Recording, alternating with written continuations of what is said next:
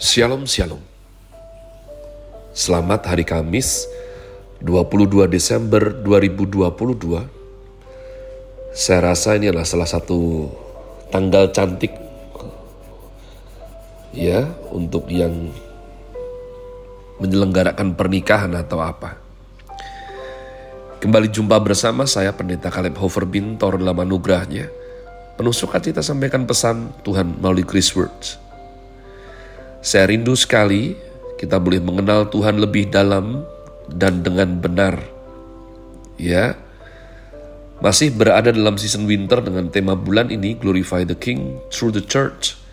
Chris Word hari ini saya berikan judul Pride atau kebanggaan. Pride.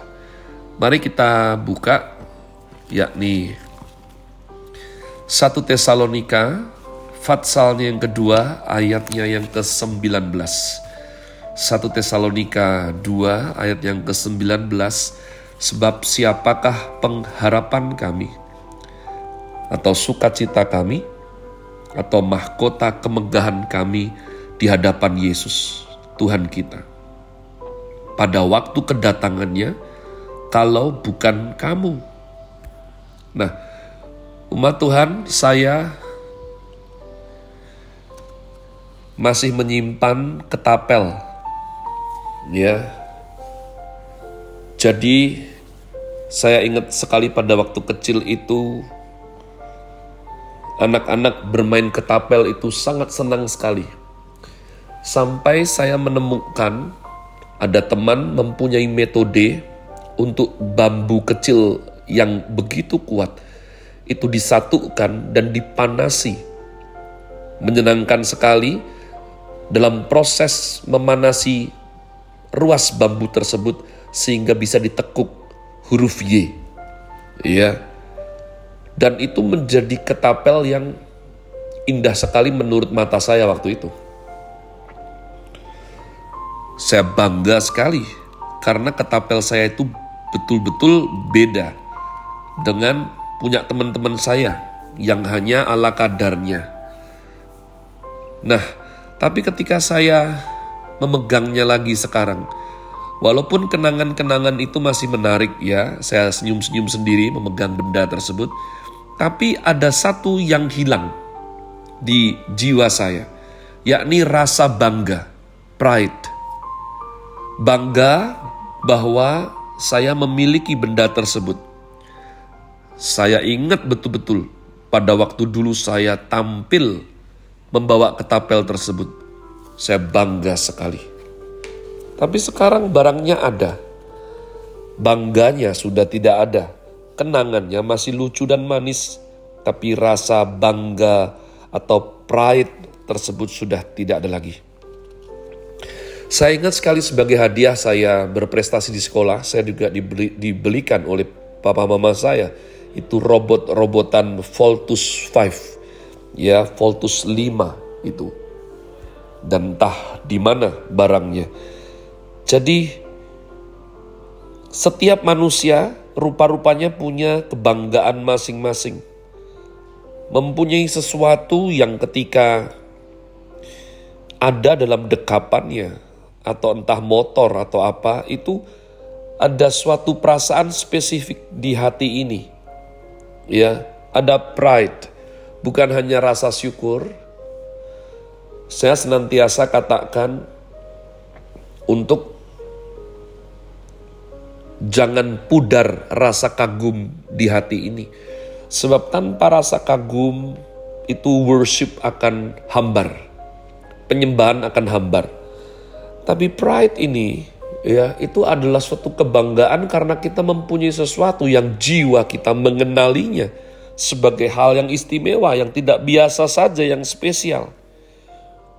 Ada orang bangga dengan mobil barunya, ada yang bangga dengan rumahnya yang megah, ada yang bangga dengan anak-anaknya yang sukses menjadi dokter, sarjana, bisnismen, kaya raya. Nah, kebanggaan-kebanggaan itu tidak salah, tidak salah. Ya, hanya saja kebanggaan seperti itu tidak membawa dampak bagi kekekalan kita sebagai manusia. Jadi umat Tuhan, sebagai Kristen kita harus belajar kita itu rindu bermegah atas apa? Ya. Maka kalau seorang hamba Tuhan itu bermegah untuk sesuatu yang tidak kekal, sesuatu yang bukan kingdom things, maka dia akan kehilangan dukungan dari Tuhan dan tidak jarang berujung kepada kekecewaan, bahkan kerusakan yang besar. Ya, ketika melakukan sesuatu rindu untuk unjuk diri, unjuk gigi. Ya, lalu ternyata terjadi hal yang tidak diharapkan. Rasul Paulus sebagai seorang rasul Ternyata Rasul Paulus melalui ayat yang kita baca mempunyai pride, kebanggaan yang aneh sekali menurut saya ya. Bukan bersifat gadget, materi, tas, fashion, bukan. Beliau berkata bahwa sukacita dan mahkota kemegahannya adalah jiwa-jiwa yang diselamatkan melalui pelayanan beliau. Luar biasa. Paulus bangga dengan jiwa-jiwa yang dimerdekakan dari belenggu dosa. Nah, ini menurut saya ini adalah holy pride. Ini adalah kebanggaan yang tercantum dalam kekekalan. Jadi, jangan jemu didik anak umat Tuhan kalau engkau orang tua. Jangan jemu memuridkan kalau engkau gembala, bapak atau ibu rohani, kakak rohani Ya, sebab ada sejenis rasa bangga yang bukan dari dunia ini. Bukan karena kita diberikan istri yang cantik, lalu kita bangga, atau kita mewarisi rumah gedong yang hebat, atau jam tangan yang begitu indah. Bukan, Rasul Paulus memberikan contoh. Ada suatu kebanggaan dikarenakan kita dipakai Tuhan untuk menyelamatkan jiwa-jiwa, membebaskan dari belenggu dosa, dan membentuk serta memuridkan mereka untuk jadi anak Tuhan yang baik. Oke, pekerjaan Rasul Paulus memang sebagai pelayan Tuhan, dan kebanggaan semacam itu memang patut. Tapi umat Tuhan, bukankah saya sudah katakan semua orang percaya itu sesungguhnya pelayan Tuhan? Jadi, Bukankah kita juga dapat bermegah dalam hal yang sama? Maka hari ini saya rindu, ubah pola pikir Anda. Jangan berpikir bahwa itu hanya tugas pendeta, itu hanya tugas rasul, itu hanya tugas hamba Tuhan. Tidak, kita semua orang percaya kita anak Tuhan. Anak Tuhan itu hamba Tuhan. Jadi masukkan dalam agendamu Jangan hanya bangga karena potong di tempat yang bagus. Ya, atau mungkin kau memakai baju, jas atau gaun daripada desainer yang ternama. Jangan. Firman Tuhan mengajarkan kepada kita untuk kita memiliki kebanggaan membawa jiwa kepada Tuhan. Nah ini, memenangkan jiwa bagi Kristus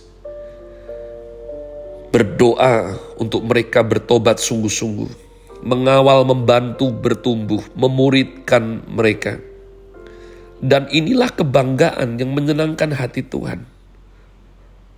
Percayalah, Tuhan itu tidak tertarik dengan kebanggaan-kebanggaan materi yang manusia biasa itu tunjukkan. No, Tuhan gak tertarik mobil, motor baru, kapal pesiar, jam tangan, ya handbag, tas miliatan, Tuhan gak tertarik sama Tuhan. Maka dikatakan, ya oleh karena satu jiwa diselamatkan, surga bersorak-sorai, malaikat bersuka cita. Jadi saya rindu untuk kita memasukkan dalam agenda kehidupan kita bahwa selain daripada kita bersuka cita kerjaan kita bagus, tender kita menangkan, ya opportunity kita raih, promosi jabatan kita dapatkan, maka kita juga rindu untuk memenangkan jiwa ini boleh masuk dalam concern atau agenda hidup kita. Kalau kita sukses dan itu dapat menjadi kesaksian yang baik pula, ya, it's okay. Tetapi jangan bangga dulu sebelum memenangkan jiwa bagi Tuhan.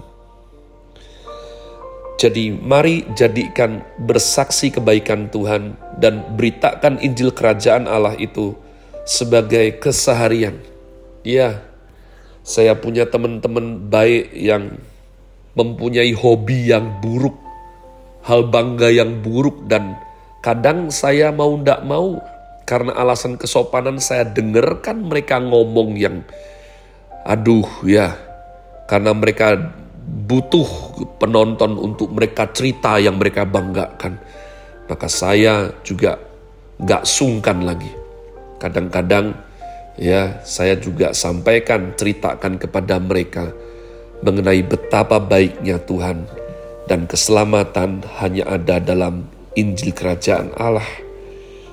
Saya berdoa engkau beroleh sesuatu dan engkau merupakan juga para penuai-penuai akhir zaman ini.